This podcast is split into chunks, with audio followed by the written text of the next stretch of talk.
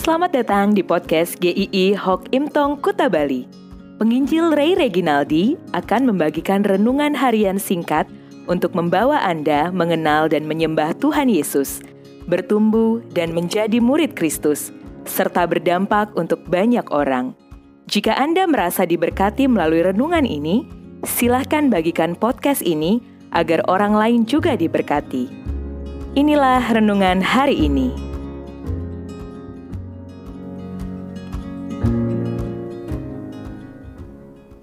Garansi dari Tuhan bagian kedua. Kita tahu sekarang bahwa Allah turut bekerja di dalam segala sesuatu untuk mendatangkan kebaikan bagi mereka yang mengasihi Dia, yaitu bagi mereka yang terpanggil sesuai dengan rencana Tuhan. Pernikahan pasti ada hal-hal yang tidak mudah dihadapi bagi siapa pun orang-orang hebat, orang-orang biasa, pasti akan menemui ada kesulitan-kesulitan di dalam pernikahan.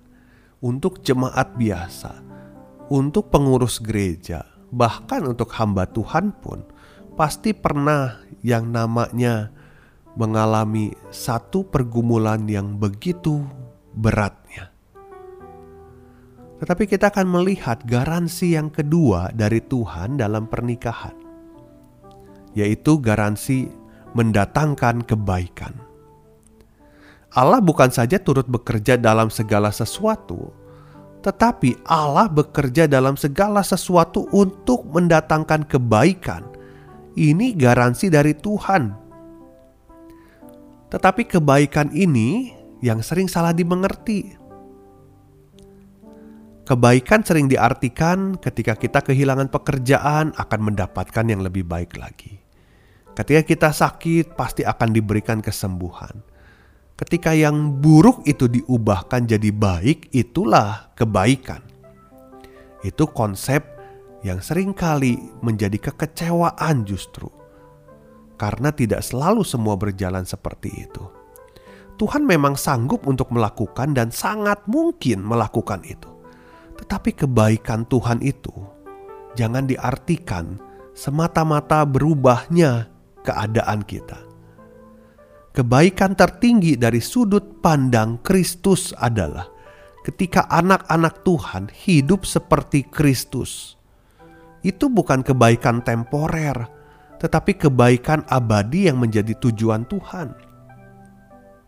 Ketika Tuhan berkata, "Allah turut bekerja dalam segala sesuatu untuk mendatangkan kebaikan," Kata bekerja di sini bisa diartikan Allah mensinergikan, Allah memadukan semua hal untuk mendatangkan kebaikan.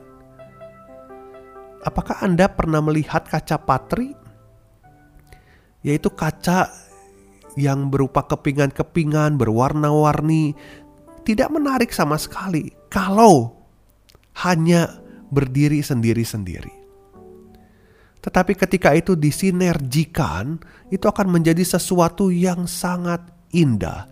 Anda bisa melihat di bangunan-bangunan gereja tertentu, kaca patri itu menjadi satu gambar, satu keindahan yang bisa kita lihat.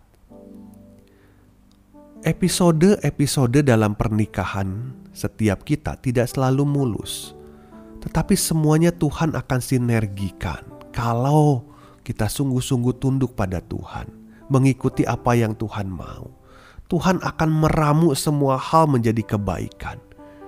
Pergumulan pasti ada dalam pernikahan, tetapi Tuhan akan membuat kalian lebih mengenal Kristus.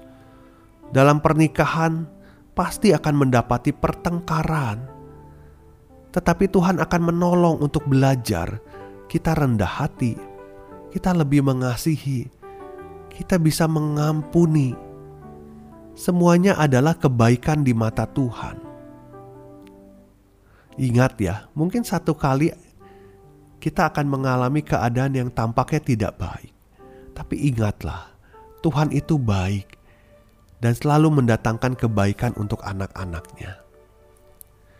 Kebaikan Tuhan itu diterima dan dialami anak-anak Tuhan di dalam Kristus.